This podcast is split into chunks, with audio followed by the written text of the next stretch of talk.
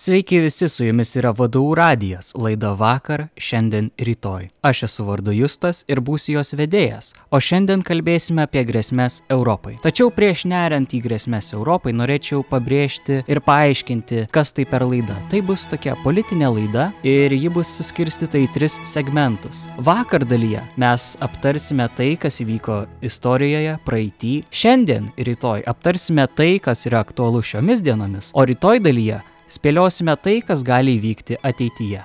Vakar. 1919 metais pasirašoma Versalio taikos sutartis, pagal kurią Vokietija yra skelbiama pagrindinė karo kaltininkė ir pirmas pasaulinis karas yra galutinai užbaigiamas. Įkūriama tautų sąjunga ir švenčiama pergalė. Nors Europa tampa gerokai apgriautų žemynų, tačiau demokratija buvo apsaugota.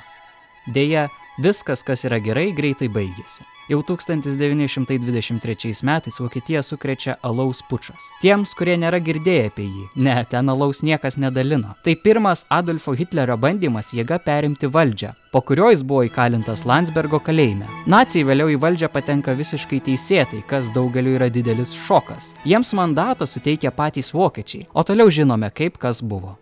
1929 metais įvyksta ekonominė krizė, kuri paliečia visą Europą. Žmonės vis labiau ir labiau nusivilia demokratiją. Tai buvo matyti ir Lietuvoje pas mus. Kaziaus Grinio reformos, kuriuoms visuomenė nebuvo pasiruošusi, iššaukė smurto akciją. Iš esmės jam bėdą užtraukė tai, kad priimamas įstatymas sumažinantis kariuomeniai skirtą biudžetą. Karininkai pasipiktina, visuomenė taip pat, nes būtent kariuomenė apgynė nepriklausomybę nuo Lenkų, bolševikų ir bermontininkų. Visuomenės pasipiktinimu pasinaudojo Smetona ir 1926 metais Grinius yra nuverčiamas. Vietoje jo prezidentu tampa mano minėtasis Smetona, kurio įkvėpėjas beje buvo Musolinis. Mat Smetona savo užrašuose yra minėjęs, kad žavisi Musoliniu kaip lyderiu. Europoje pasipila diktatūrinių režimų lietus. 1926 metais Italijoje įsitvirtina fašistai su savo duče minėtoji Musoliniu, o Lenkijoje valdžią perima Juzefas Pilsudskis. 33-aisiais Vokietijoje Hitleris ir 34-aisiais perversmas Latvijoje.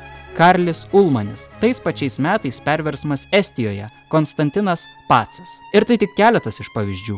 Autoritarizmas taip pat įsitvirtino ir Portugalijoje, Ispanijoje, Austrijoje, Vengrijoje, Rumunijoje, Jugoslavijoje, Bulgarijoje, Albanijoje, Graikijoje, Turkijoje, na čia nelabai tinka Europą, tačiau vis vien žemynas viskas šalia ir Rusijoje. Tų valstybių nacionalistinės ir fašistinės idėjos panaikino bendradarbiavimo galimybę. Tuo pasinaudojo SSRS ir Vokietija, pasirašusi Ribbentropo-Molotovo paktą. Beje, įtakos sferų dalį tame pakte pasiūlė ne kas kitas, o pats Stalinas. Nes originaliai pakto esmė buvo užtikrinti saugų rytų frontą Vokietijai, kad ji galėtų pradėti antrąjį pasaulinį karą prieš vakarus. Tas ir įvyksta 1939 metais. Šiandien. Kodėl tai, kas įvyko, yra svarbu šiandien? Mano mėlyjeji yra sąsojų, kurios mane neramina.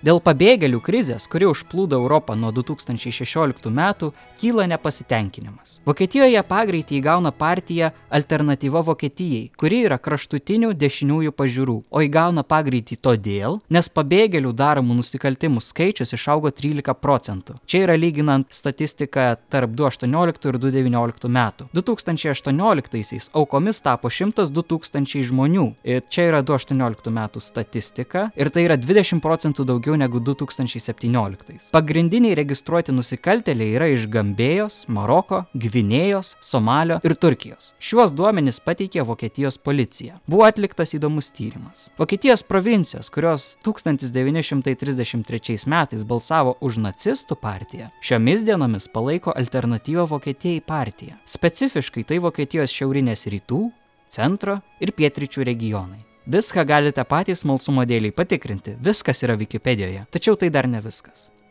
Lenkijoje pastarį dešimtmetį sparčiai augo ir tebe auga ultradešiniųjų pažiūrų eisenos. Kaip pavyzdį galima pateikti Lenkijos nepriklausomybės dieną, kurioje tokių žmonių skaičius išaugo nuo 500 iki 100 tūkstančių. Politinis pavyzdys yra organizacija All Polish Youth, kuri yra grindžiama ultranacionalizmo doktrina. Law and Justice partija 2018 metais priėmė įstatymą, kuris draudė Lenkiją sėti su nacijų padarytais nusikaltimais. Ir tokia frazė kaip Lenkijos koncentracijos ar mirties stovyklos gali pridaryti rimtos bėdos, užtraukti baudžiamąją atsakomybę. Tačiau po Izraelio kritikos nuspręsta baudžiamą atsakomybę pakeisti administracinę. Tiems, kurie nežino, baudžiamoji atsakomybė tai kai žmogus sėda į kalėjimą, administracinė tai yra bauda.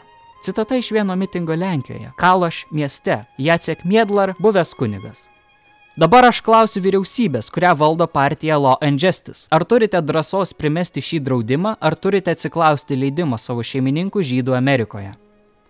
Daugelie panašaus tipo organizacijų šmežuoja plakatai su užrašu Dievas, garbė, tėvynė. Rytoj. Leiskite jums priminti, kad Vokietija ir Lenkija yra vienos stipriausių Europos valstybių. Tad kas bus, jei jos nesąmoningai pakartos klaidas, kurios buvo Europoje padarytos prieš maždaug 70 metų? Tokioje situacijoje labai tinka posakis žmogus, kuris neišmoko istorijos, yra priverstas ją pakartoti. Europoje jau dabar aiškės susiskaldimas. Britanija išstojusi, na, beveik. Prancūzijos prezidentas Makronas neseniai teigia, kad NATO yra ištikusi smegenų mirtis. Jei Europoje įsivyraus nacionalizmas kaip ir seniau, prognozijas liūdnos, ypač kai yra reiškiamas nepasitikėjimas tarptautinė saugumo organizacija. Galima turėti vilčių, kad jungtinių tautų organizacija užtikrins taiką, bet taip nebus. Ji te turi 3000 nuolat būdinčių kareivių. Be to prisiminus, kaip jos pirmtakė tautų sąjunga užtikrino taiką, darosi liūdna. Šiek tiek dar papildysiu apie tautų organizacijos, e, jungtinių tautų organizacijos kareivius. Jie ginkluoti tik tai lengvaisiais automatais. Politiškai žvelgiant Europos žemynė ar pasaulyje apskritai sistemingai keitėsi valdymo formos. Turėjome monarchijas, konstitucinės monarchijas, imperijas, demokratijas, diktatūras, dabar vėl turime demokratijas.